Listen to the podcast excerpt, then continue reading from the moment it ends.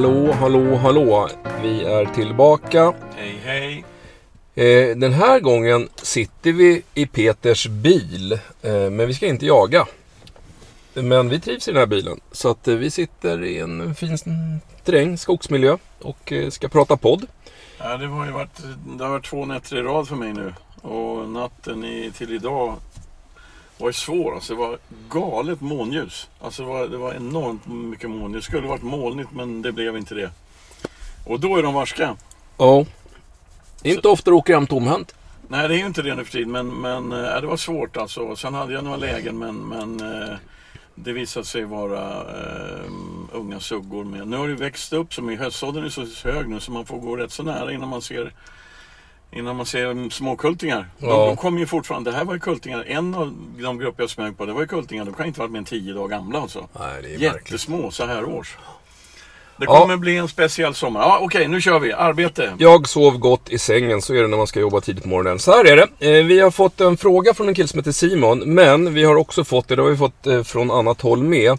Vi har fått lite tips till och från att eh, det är kul med vår podd, men många vill, eller några vill i alla fall, att vi ska koppla ihop det med ett Instagramkonto. Och det visste inte vi ett skit om ju. Nej. Hur det funkar. Vi är lite gammelmodiga jag och Peter, men eh, vi har lyckats få till ett Instagramkonto. Så nu så är det som så att på Instagram finns det eh, ett konto som heter Jakthundar och jakt.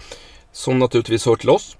Och där har vi lagt ut lite bilder och lite korta filmer och tanken med det där är väl att vi så småningom när vi har kommit ikapp lite grann, nu är det mycket basic, men att vi ska försöka koppla bilder, filmsnuttar till det vi pratar om i ett närliggande poddavsnitt. Så, så att det är lite lättare att se vissa saker på bild än att bara höra det i ord. Fast förvänta er inte för mycket här nu. För att alltså, det, det känns ju som att vi får inte ta på oss för mycket här nu. Nej, och dessutom är vi två gamla gubbar så att det är inte våran grej riktigt Tala för dig själv för fan. nej, men, ja, nej, men, men vi, vi ska göra vad vi kan. Ja. Instagram, balt. Vi, nu är vi fan i mig, vad heter det?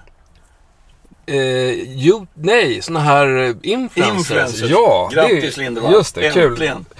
Då kör vi frågor. Det är jättemycket frågor nu. Det är roligt. Och, och eh, vi, det enda nackdelen med det är att vi hamnar lite längre i tid från att vi har fått frågan tills att vi kan svara på den. Men Simon som tipsade om Instagram har dessutom skrivit en fråga. Och, eh, den handlar om eh, en ja, ADB. Eh, en alpenländer som, som är ett år gammal och Simon betonar att det är hans kompis hund. Den här... Den har man hört. Ja, men han har faktiskt betonat att det är faktiskt sant. Ja, han har okej. till och med namngivit kompisen, men det behöver inte vi göra. Nej.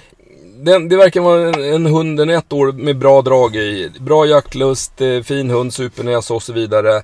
Fungerar utmärkt på inkallning inom husets fyra väggar eller om man kallar in den. Ja. Och du vet alla vart det barkar. När den här hunden sticker så tar jaktlusten fullständigt överhanden. Det går inte att få in den och han har gjort en hel del försök i hägn bland annat. Eh, Men, men det krävdes en målvakts, målvaktsräddning för att fånga henne. Så frågan lyder naturligtvis. Inkallning, Peter. Ja, jag kan ju säga inkallning, Björn. Du vet ju läget. Ja, men det är du som är hundexperten. Alltså, men alltså, jag, jag får ju höra det här otroligt många gånger. Alltså, varför funkar inkallningen i köket eh, men inte i skogen? Alltså den, om, om vi nu hårdrar det. Eh, och det är ju väldigt enkelt att svara på. Steget är för långt. Punkt. Alltså man måste bygga upp en relation och en vilja hos löshunden att göra det jag vill. Alltså, eller det föraren vill att den ska göra. Och det är ju lite trixigt alltså. Man måste ju jobba rätt hårt på det där. Ehm, men, men, men det funkar. Alltså, mm, nu får man inte snacka för mycket men alltså, vi har ju hundar som jagar som idioter alltså. Jag har en jämte som hänger i ta med fan miltals men hon kommer när jag ropar. Eh, så det funkar ju. Men det, men det är en lång resa liksom. Och, och, det går fan inte att svara i, i en podd alltså. Det går inte att tipsa. Ja, det, det är ju det här jag jobbar med. Så att, eh, Men något litet steg emellan när inkallningen i hemma funkar och även på gården. Men det är liksom tvärblock på inkallning när Okej, jakten sitter okej, i näsan. Har du något okej. mellansteg? Ja, alltså, alltså öka retningen i lagom stora steg. Öka störningen i lagom stora steg. Och se till att belöningen för att hunden lyssnar och kommer är gigantisk. Eh, och det allra bästa sättet är ju att avbryta hunden när den gör någonting som den vill göra. Belönar den när den, har, när den avbryter det den vill göra och kommer. Så belönar man genom att släppa tillbaka den till det som den verkligen vill göra just den, den, den sekunden. Oavsett vad det är liksom. Oavsett vad det är. Ja. Till exempel den leker med en annan hund. Försök att bryta, få in hunden och släpp tillbaka den till leken. Mm. In till en rastgård och gör så var femte minut, en timme. Eh, då brukar det vara så att hunden lyssnar mer efter Mm. eh, en, en timmes träning var femte minut. Och så ökar man störningen heter det, helt enkelt. Eh, ökar sin egen förmåga att kunna bryta hunden. Och då kommer vi till nästa grej här då. Jag har ju tre kommandon på min, till mina hundar kan man säga. Det är nej, okej, sitt och kom. Och jag tränar in dem där i den, i den ordningen. För har man inte en broms på en hund, då kan man heller aldrig ha en inkallning som jag ser det. Om hunden är på väg och gör, eller gör någonting den jag inte vill att den ska göra, den är på väg åt ett håll jag inte vill att den ska ta sig till, då måste jag först säga nej eller lägg av eller stanna, avbryt eller hundens namn eller något. Så att man får hundens uppmärksamhet. Sen kallar man på den. Så jag lär in nej och sen lär jag in sitt. Därför att om hunden stannar på nej, vänder sig om och tittar och är tveksam. Ska jag verkligen lyssna på inkallningen? Har man ett sittkommando som sitter där så kan man höja handen och vråla sitt och sätter sig hunden. Då har man kontroll på den. Då kan man antingen gå fram och hämta den, ta sig närmare och kalla in på närmare håll. Eller rent av försöka, försöka kalla in den. Och sen tips nummer tre då. Fart emot är hot, det vet du. Vilket innebär att motsatsen rör sig bort ifrån. Ni får ursäkta mig här nu, men, men det ringer. Alltså, vi, låt, vi låt det rulla det här snabbt. Tjena alla, jag håller på att spela in en podd. Jag ringer om en liten stund. Bra, hej, puss. Ursäkta mig, det var yngsta barnet. Ehm, eh, tredje grejen här då. Fart emot är hot, vilket innebär att rörelse bort ifrån hunden är- beröm, lugnande signal, vänlig signal. Så varenda gång som ni ropar på hunden och den kommer, rör er bakåt, bort ifrån hunden. För då kommer farten hunden har fortsätta vara lika hög hela vägen in. Eh, och är det så att man har lite svårt med en ung hund, en ettårig ADB, det har ju har att göra med åldern också här. Om man får hunden att uppmärksamma och komma, jag vänder om och spring då. Bort ifrån hunden, därför att en ung ADB, ettårig, den älskar att kuta. Då blir det jaktlek och hunden blir gladare när den väl, då kommer den springa ikapp liksom. Um, där har ni några lösa trick. Men, men alltså, som sagt, det är stegvis träning som gäller. Ökas din egen svårighet stegvis. Mm. Jag, jag tror att det, det, för för mig låter det just den delen, alltså från att bli inkallad hemma i huset där man vet ungefär hur saker och ting funkar och var väggarna sitter eller ute på den inhägnade bakgården eller tomten. Eh, därifrån till att bli inkallad när man gör det roligaste man vet, det vill säga jaga. Det är ett gigantiskt kliv. Så att om man kan liksom, eh, ja, ta en större hagel, alltså det, det blir för stort. Så att man måste nog bygga upp hålet däremellan i små steg. Ja, precis. precis. Ja, vi hoppas att det här hjälper. Att, eh, att Simon och Simons vän fick lite tips att jobba med. Vi hoppar raskt över till Rickard som har en spets som snart är 11 månader. Och eh, ja, hon ska alltså börja jaga i höst ordentligt. Och nu har Rickards pappa parat en duktig jämte som förväntas få valpar här eh, ja, när som eller i mitten på juni. Och då är han lite sugen på att ta en valp till och då funderar jag lite grann, är det här lite too, too early? Alltså är det, är det för tidigt att ta en hund till eller kan det funka? Och jag tror att både jag och Peter, vi tycker ju inte att det här är för tidigt. Och det, det är av två skäl. Det, alltså spetsen som du har på 11 månader, den ska jagas in, börja jagas in i höst. Valpen kommer i juni, den kommer i bästa fall kanske försiktigt bara jagas in nästa höst. Så det kolliderar inte och den här valpen kan vara med när du jagar in spetsen och få lukta och lära sig annat runt omkring. Men det viktiga i allt det här det är ju att du känner att du har tid. För, för att eh, nästa höst så är inte din nuvarande hund färdig injagad och då ska du ha tid att kunna göra ett bra jobb med båda hundarna. Det är väl ungefär så jag tänker. Jag, kan inte, jag har ingen annan åsikt. Det Ja. handlar ju om tid, alltså hur Ja. mycket tid man lägger ner. Så eh, ja, nej men har du bara tiden så kör. Det är stenkul att jaga in eh, Jag har en fråga till nya dig. Det här hundar. med att du, du säger flera gånger börja jaga in långsamt eh, och du vet nästa år och sånt där. Eh, Har du, brukar du följa dina egna råd när de låter på det sättet? Jag följer ju dina råd, så Okej, hur gör ja, du? Vi, vi släpper det. Vi släpper det. Eh, men jag har ju förhoppning om att jag ska kunna ha lite mer is i magen nu med valpen som kommer om ett par veckor. Just det, du ska få valp snart. Ja, det blir roligt. Ja. Det är flera som har kommenterat där att du kommer ju aldrig kunna köpa en vaktel Peter. Varför det? Ja, du har ju sågat dem sönder och samman här i podden flera gånger. Nej men alltså jag har sågat, jag, jag älskar att reta vacklundsägare bara för de reagerar alltid på samma sätt. Jag har ju själv haft vacklar så jag vet ju vad det är förr eller senare kommer jag ha en själv. Men det roliga är verkligen att vacklundsägare brukar bli väldigt irriterade när man säger någonting om deras ras. Jag är, jag är ganska trygg och lugn med Peter. Han har skjutit så mycket vilt för min vaktel så, att, eh, så han är lite sugen, jag vet det. Hörrni, vi hoppar. Vi ska komma till en lite mer sån här veterinärmedicinsk fråga. Och det handlar om man kan på något sätt flytta löpet. Det här är en, en kille som har en östlaika, en tik naturligtvis då. då som eh, börja, brukar börja löpa i början av september. Och Eh, då blir jakten lidande. Hon, hon jagar inte eh, på riktigt förrän i mitten, slutet av oktober. Så Marcus, som husse heter, hans fråga är helt enkelt, går det att flytta löpet eller få igång det tidigare?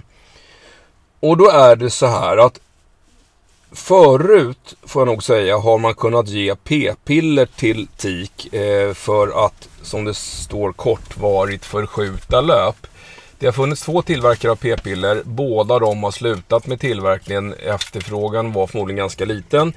Och det, skälet till det är nog att det helt enkelt ehm, eh, det finns så pass mycket biverkningar, risker för biverkningar med att medicinskt påverka hormonspelet. Eh, och då pratar vi jubertumörer, livmodersinflammationer framför allt och så vidare.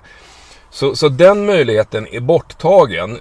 Det finns fortfarande ett preparat som kan dra igång ett löp. Eh, som helt enkelt, man kan locka igång tiken och börja löpa tidigare än planerat. Men det är ju samma sak där. Alltså det är lite risky business att hålla på att påverka eh, tikens normala hormoncykler. Det, det finns eh, risk att det kan utvecklas till, eh, ja återigen, framförallt livmoderinflammationer. Men det här gamla klassiska tipset då, det som man eh, hörde för länge, länge sedan att man, eh, om, om man inte vill att tiken ska jaga eller börja löpa under jaktsäsong, då jagar man fruktansvärt hårt. Drar ner käket lite grann och, och jagar, jagar, jagar, jagar så att hon är så att säga trött fysiskt? Ja, eller? Nej, men, och, det, och det, det, kan ju funka därför att det där är ju faktiskt medicinskt. Det, det finns ju många elitidrottskvinnor som, som eh, eh har oregelbundna menscyklar och sånt där. Just därför att eh, eh, hård fysisk aktivitet kan påverka kroppen på ett sånt sätt. Men det är ju ingen stensäker metod. Alltså det, det är inte så att om, om du kör jättefysträning med tiken så, så kommer hon inte att löpa. Det är verkligen inte någon stensäker metod. Men det, men det finns ju ett, ett medicinskt samband där. Så, så det korta svaret tyvärr Marcus, det är väl att det finns inget bra sätt idag att eh, påverka tikens löpcykler. Inget riskfritt sätt i alla fall. Så, så antingen får man bita det sura äpplet eller så, som vi har pratat om förut, kan man kastrera om man nu inte har tänkt sig att ta en tik. Då, då, eh, eller ta en kull, då har man ju eh, aldrig mer problemet. Men, eh, men jag, det... jag har en följdfråga där, en veterinärfråga. Mm. Um, en av alla spanielhundar jag har haft, vet Dissa, hon var ju lite speciell hormonellt kan man säga. Ja. Hon löpte i princip kontinuerligt. Eller ja. hon kunde ju löpa tre gånger om året. Mm. Vad, vad, vad, vad handlar det om? Och kan Nej. man göra någonting åt det? Eh, nej det kan du egentligen inte. Det där är ju min, min vakteltik. Hon, hade, hon var perfekt för hon löpte en gång per år i maj varje år. Eh, så det var, det var alldeles lysande. Så det där alltså, det, är, det finns en fysiologisk skillnad. Det finns en skillnad. Vissa tikar löper en gång och det finns tikar som löper upp till fyra gånger per år. Och varför har jag ingen aning om. Men, eh, men det är ingen skillnad. Sen Dissa hade ju ganska rejäla juvertumörer på, ja, på slutet. Ja, ja, och, och det, där finns ju ett konstaterat samband mellan hormoner och juvertumörer. Sen säger jag inte att det var det som var fallet på, på, på Dissa. Men, men eh, vi vet ju att många juvertumörer är eh, hormonreglerade helt enkelt. Okay, okay. Ja, Marcus, det var inte heller det där svaret. Man, ibland hoppas man vill ju bara kunna lösa problemet. Men tyvärr så, så kan jag nog inte lösa det där problemet på något bra sätt. Då så hoppar vi till en icke-medicinsk fråga och lite grann av en klassisk fråga. Det är en blandras jämte vaktel. Ja, kör Peter, det är din fråga. Ja, alltså det, den har vi fått flera gånger och jag tror vi har pratat om den ett antal gånger. Men vi kör ett varv till. Alltså, det är en jämtvaktel som har förkortat arbetstider. Förkorta sök och för, förkorta arbetstider överhuvudtaget när den jagar alltså. Eh, den kommer ofta tillbaka och frågar eh, husse och så. Och husse har provat eh, tråkig gubbe på, eller sitta på sten och vänta och alltihopa, inget funkar. Men, men och, och då, han frågar, ha, men han har kört mycket lydnadsträning med den här. Och frågan är, har han sabbat ens självständighet? Och det är den här känsliga frågan.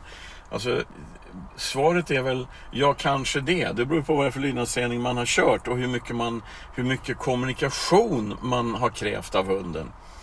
För hundar fattar ju inte svenska språket, det är ju liksom nummer ett. Så jag tror att i det här fallet, finns det jaktlust i den här blandrasen så tror jag att det är så här. Att hunden tror att den gör rätt för att när den kommer tillbaks efter ett för kort arbete därför att den får någon form av uppmärksamhet. Och bara man tittar på en hund så ger man hunden uppmärksamhet. Och, och det här kanske räcker. Han kanske har kört massor med övningar, aktiveringar, lydnadsträningar och grejer. Liksom, och, och, och en väldigt tät kommunikation med hunden. Gett hunden kvitto hela tiden. Alltså, var är du? Kom hit. Du är duktig. Du sticker iväg. Stopp. Åt det här hållet. Bla bla bla. Så att han har hela tiden kommunicerat med hunden. Eh, hunden kan vara enormt självständig men den, har liksom, den tror helt enkelt att den ska ha korta arbetstider därför att, den, därför att husse kommunicerar med den på ett eller annat sätt när den kommer tillbaks efter för korta arbetstider. Eh, det, det, är ett väldigt vanligt misstag man gör. En hund som har dåligt sök, den kommer tillbaka och säger man ja, ja, ja, men ut och sök för fan och så viftar man med handen. Men eftersom hunden inte kan svenska så kan det lika gärna betyda skitbra att du kom tillbaka, jag skickar iväg dig nu. Jag belönar dig för att du kom tillbaka genom att skicka dig. Så kommer du kortare nästa gång så skickar jag dig igen. Och för du vill ju vara där borta, eller hur? Alltså det är ett missförstånd. Så att han, jag tycker han ska prova. Först ska han prova att när hunden kommer tillbaka från ett, eh, för, ett för kort arbete så får han inte ens titta på den. Men har hunden jagat alltså, förföljt någonting eller ståndat någonting, då ska han så fort hunden tystnar och han ser på pällen att den, har, att den tar sitt slag tillbaks, då ska han i full fart ta sig mot där hunden slutar skälla. När han möter hunden då så får han inte titta på den utan han fortsätter mot den plats där hunden slutar skälla. Finns det jaktlust i hunden då så kommer den med stor sannolikhet att ta på varven tusse, undra vad fan som är på gång och sen ta, eh, ta sig tillbaka och fortsätta jobba. Oftast är det så. Nummer två, tips nummer två. Har du en kompis som jagar jättemycket men som aldrig har fört hunden förut. Jag lånar ut hunden till den personen då i en månad som jagar fem dagar i veckan typ. Eh, mm, och jaga på sitt sätt. För är det så att hunden visar enormt mycket mer självständighet där, då är det ju så att det är husses egna beteenden som måste förändras. Då är det liksom inte hunden, utan hunden har fått för sig att den ska göra på ett visst sätt. Låna ut hunden, har hunden ett annat jaktsätt då, ett annat beteende när den jagar, då är det husse som måste förändra sina beteenden i skogen. Slut. Punkt. Mera tips från Peter, det är bra. Då tar vi ytterligare en återkommande fråga som vi haft i andra varianter. Under det här avsnittet blir jättemycket frågor och det är för att vi har fått så himla mycket frågor vilket är kul. Så eh, vi har ju en litet batteri och sånt vi tänker ta upp själva men eftersom ni ställer så bra frågor så, så får vi med mycket, mycket av våra teorier i det här också. Det här är en jämthudsstik. Problem med halsen. Känner ni igen det? Inte alldeles ovanligt. Hon har ett hest kall, äter gräs, hostade när veterinären klämde på halsen. Fick antibiotika och kortison. Eh, var bra kanske två månader och skällde 45 minuter i ett älghäng utan problem. Men sen har det här kommit tillbaks då med, med hesa skallet eh, och så vidare. Har tydligen varit hos veterinären igen, fick bara kortison men tycker att det hjälpte dåligt. Vill ju att hon ska vara bra till hösten. Då ska jag säga så här, två saker. Har man ett återkommande problem, om en hund kommer till mig Eh, med någon typ av problem, oavsett vad, så man har ju oftast någon teori om vad det kan bero på och då så sätter man in en förhoppningsvis korrekt behandling. Och det här är förutsatt att hunden mår bra i övrigt. Det är ju liksom inte några akuta svåra sjukdomar man behandlar på det här sättet. Blir hunden bra men kom, och så får den ett återfall, eller om hunden inte blir bra på den första behandlingen, ja då måste man liksom ta ett steg till i att utreda vad är det som orsakar symptomen. Så min första kommentar till Jörgen, som husse heter, är att jag tycker att du ska gå till veterinären igen och säga att ja, men nu har ni klämt hunden på halsen två gånger. Eh, ni har gett både antibiotika och kortison. Det här funkar en kort stund och sen kommer problemet tillbaka. Det betyder ju att vi har i bästa fall behandlat symptomen, alltså det sättet som sjukdomen yttrar sig på, men det finns en bakomliggande orsak som gör att problemet kommer tillbaka. Och det här kan vara, som vi har varit inne på tidigare, det kan vara en tonsillinflammation som oftast beror på att hunden har magproblem. Eh, och det här att den äter gräs kan vara ett exempel, eller, eller kan vara ett tecken på det då. Att den får sura uppstötningar. De här sura uppstötningarna, saltsyran som finns i magen retar i svalget, skapar en inflammation i svalget. Eh, och så får man de här symptomen. Det kan vara någonting helt annat också. Men jag tycker inte att man ska nöja sig med att veterinären klämmer på halsen och skriver ut en en eh, medicinkur. När det, nu har man gjort det två gånger utan att det här funkar. Va? Då måste man ta utredningen ett steg till. Sen en ren allmän reflektion. Vid första besöket så fick hon både antibiotika och kortison. Det kan man mycket väl nu, nu ska inte jag låta för kaxig för jag är långt ifrån eh, eh, någon världsmästare på allt. Då, men, men ofta när man inte är riktigt säker på vad man har. Alltså antibiotika behandlar ju infektioner. Om du har, fått in, om du har en bakteriell infektion. Kortison är ju ett inflammationsdämpande preparat. Och är man lite osäker, man tror att man har infektion eller inflammation. Då tycker jag att det är ganska bra att man bara sätter in en medicin. Därför att det blir ju lite grann också ett steg i, i, hur man, att få fram en diagnos. Om jag sätter in kortison och hunden blir alldeles utmärkt bra på det, ja då vet jag att jag hade sannolikt inte någon bakterieinfektion att brottas med. Eh, sätter jag in bara antibiotika och hunden blir bra, ja då har jag förmodligen träffat rätt och hunden hade en bakterieinfektion som vi nu har behandlat bort. Men sätter jag in båda och hunden blir bra så vet jag fortfarande inte alls om jag pratar om en infektion eller en inflammation. Det låter så, logiskt som vanligt. Ja, det, det, är ganska logiskt. Så att, så att med svar till dig Jörgen, jag tycker definitivt att du ska gå till en veterinär och säga att nu, som sagt, kläm inte bara på halsen. Och det, man, det som, som i min värld är nästa steg i det här, det är att man ger hunden lugnande, går ner och tittar i svalget eh, och på tonsillerna så långt ner man kommer och, och, skulle det inte bli bra av det eller man hittar någon uppenbar orsak, ja då kan man faktiskt gå vidare ner i svalget med en kamera hela vägen ner till magsäcken och ända ut i tarmen om man vill det. Men det ska vi väl hoppas att du slipper. Så, så på't igen bara och eh, var lite ihärdig när du är där och, och eh, ja, så hoppas vi att det löser sig till jaktsäsongen. Du, jag har, får jag flika in en veterinärfråga där? Ja. Eh, det fanns en veterinär förr i tiden, han är nog borta vid det här laget, det borde han vara för han var gammal redan förut. Eh, som hette Tivell. Jaha. Han kallades för Tonsillen Tivell. Han hade pointrar bland annat som bet sönder hans um, geländevagen inifrån. Men hur som helst, han kallades för Tonsillen Tivell därför att han, han hade som vana att generellt plocka tonsillerna på hundar. Så fort det var någonting, liksom, då plockade han tonsillerna. Han passade på att ta dem om hunden var halt. Typ. Därför att tonsiller är bara av ondo. Vad säger du om den eh, taktiken? Eh, alltså tonsiller är ju, det är ju en del av vårt, eller kroppens immunförsvar egentligen. De, de, har ju, de har ju faktiskt en funktion. Men visst, man kan leva alldeles ut, utmärkt utan tonsiller. Och jag ska säga, för 15 år sedan då tog vi också relativt frekvent bort tonsiller. Nu gör vi det, ja, tar jag bort två par tonsiller per år så är det inte mer. Och därför att man har ju liksom kommit fram till att tonsillerna blir inte infekterade eller inflammerade bara av sig själva. Det krävs någonting för att de ska balla ur. Och det är ofta, som jag sa förut, ofta så har, så har man ett bakomliggande mag-tarmproblem. Hunden har uppstötningar, uppstötningar och, och, och, då är det ju det man ska behandla. Så att numera så är vi mycket bättre på att liksom tänka ett steg till. Ja, men får vi ordning på hundens mage så kommer vi få ordning på tonsillproblematiken också. Men det händer att vi opererar bort dem. Men tonsillen är liksom en flagga liksom. Är, de, ja. är, är det någon varg på dem då betyder det att det är något varg någon annanstans. Med, med all sannolikhet. Bra, bra. Jag är lite kaffesugen. Jag ska bara säga, du, du ska få svara på en sak till Peter. För att det är jättekul, vi får så mycket lyssnare som man inte har en aning om att de skulle lyssna på våran podd. Det här är en kollega till mig som varken jagar eller har jakthundar, men hon har i alla fall lyssnat på, på våra poddavsnitt. Och hon hade en fråga som i vår värld är självklara, men har man ingen hund så, så är det kanske inte självklart. Peter säger vid, vid flera tillfällen att hunden blinkar med tungan. Det förstod inte hon. Berätta Peter. Ja, det är en smart fysisk signal, jävligt visuell signal. Hunden skickar ut tungan, slickar till på nosdriffen och drar in tungan igen.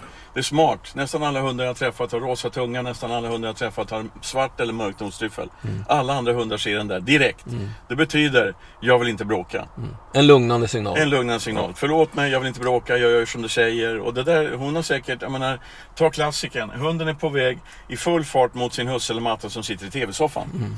Men fart emot kan upplevas som hot. Så när hunden är på väg fram, då blinkar den med tungan för att tala om att se nu inte fart emot som något problem här, utan jag är snäll. Mm. Blinka med tungan, lyfta tassen, öronen bakåt, alla de där grejerna. Det, det är samma typ av signaler. Så blinka med tungan betyder, är, är en lugnande signal. Man ser det ju ibland om det är en kraftig korrigering också. Det, förlåt, det här var inte meningen. Ja, men jag, jag blinkar man- med tungan. Alltså, skicka ner handen mot en jämte får du se vad som händer. Öronen åker ner och tungan kommer ut direkt. Det är helt enkelt om man ska illustrera det på något annat sätt. Det är som att en lipar små korta mm, blink, li, alltså korta ut, sticker ut tungspetsen in igen. Ja, visst, det är som en det. lampa en- som blinkar till. Liksom. Yes. Får jag mitt kaffe nu? Kör, vi tar lite musik eller? Hej gör vi. Hej.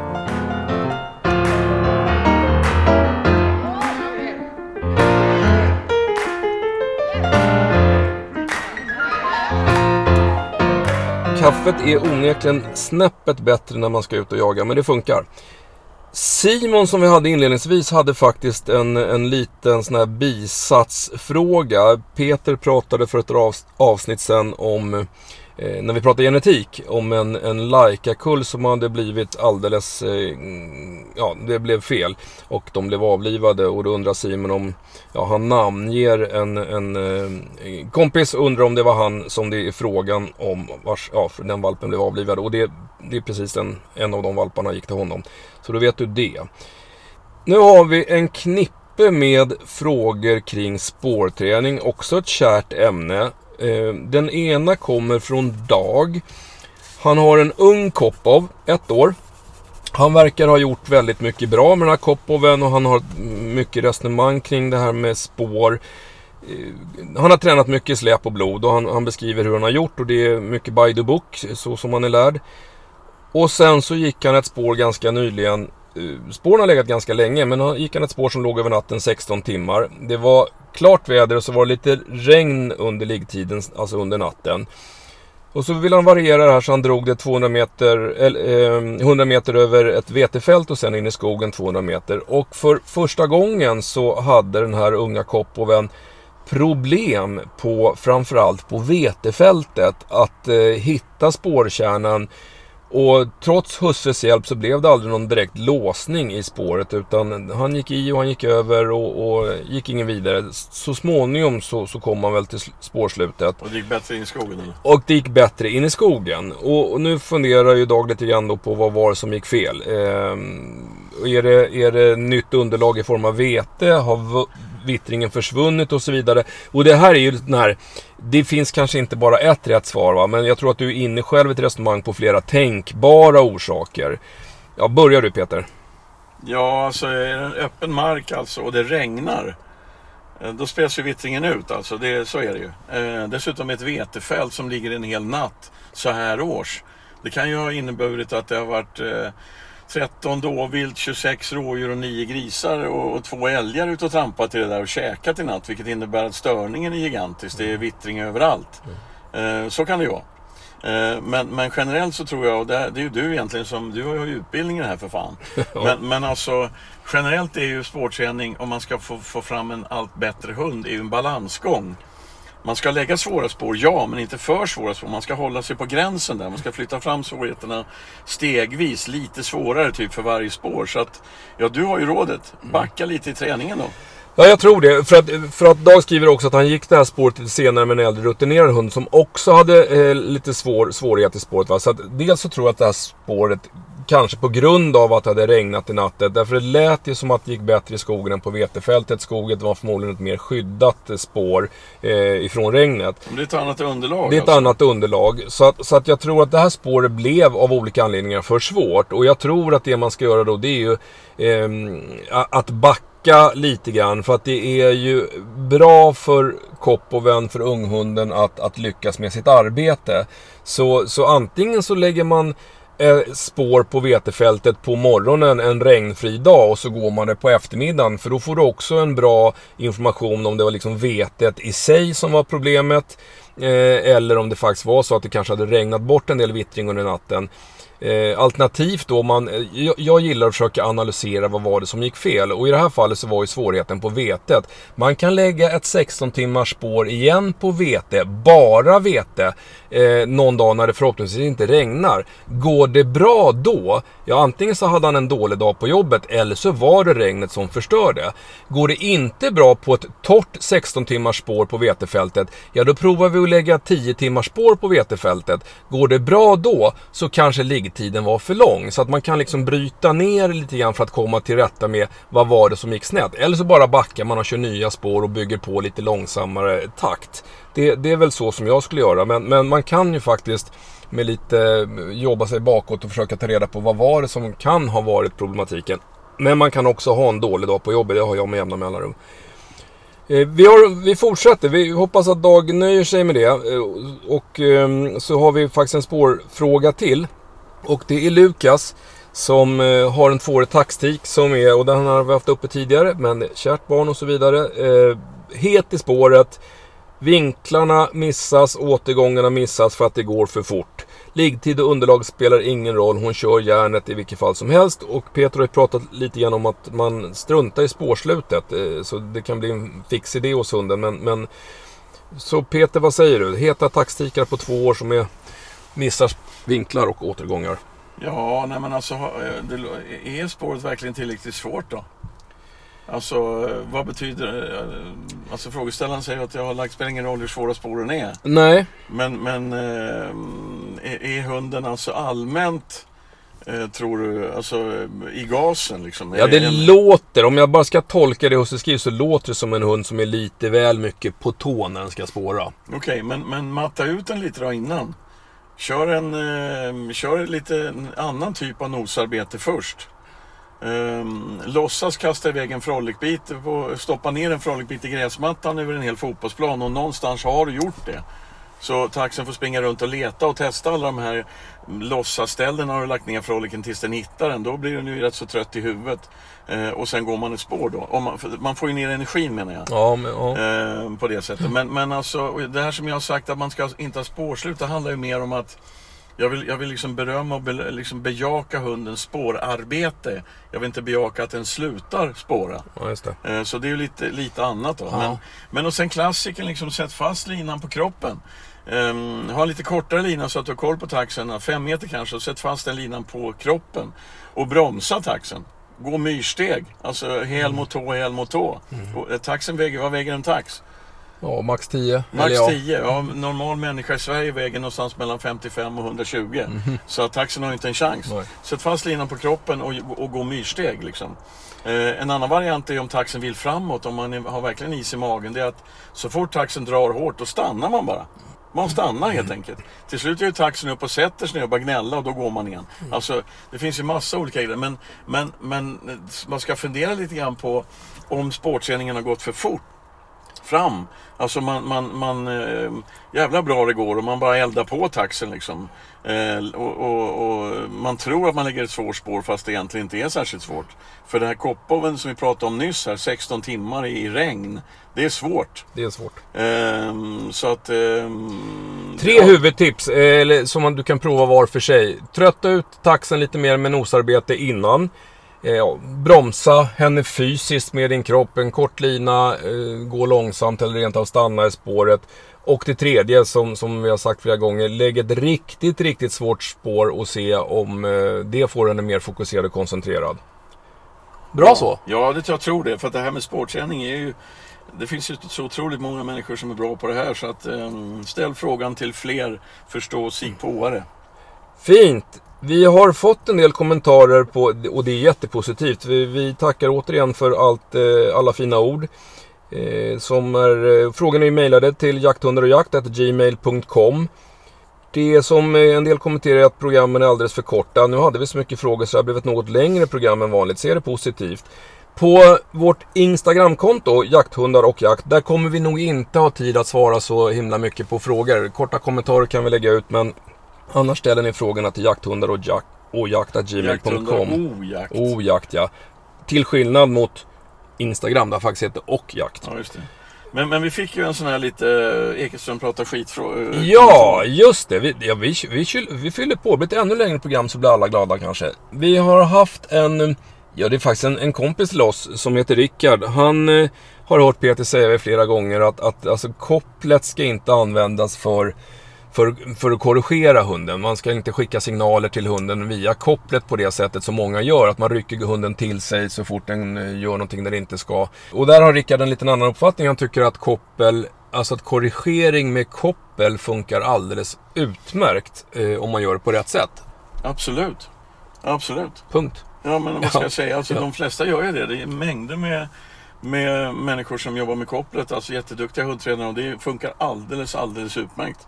Rickard eh, är säkert skitduktig på det där. Jag har ingen åsikt om det. Alla gör som man tycker. Skälet till att jag försöker tänka bort kopplet det är att jag vill kunna styra mina hundar utan koppel. Mm. Så enkelt är det. Mm. Eh, tänker man bort kopplet eh, och, och, lyckas skapligt med det, ja då blir det ju fan så mycket enklare att styra hunden när den är helt lös i skogen. Det är skälet. Men, men jag har ingenting emot att folk håller på med koppel och, och liksom korrigerar och och liksom eh, styr upp hunden. Fine, kör på det bara. Eh, vi har lite olika tekniker bara. Med samma mål. Vi har ju sagt där, vi avslutar faktiskt varenda avsnitt med, med att säga att vi säger vad vi tycker och tror är rätt. Men precis som jag sagt så många gånger, det finns både veterinärer och hundtränare som kan en massa bra tips och tricks och har andra åsikter och sätt att göra saker och ting som är minst lika rätt som våra. Så det här är Om någon frågar oss.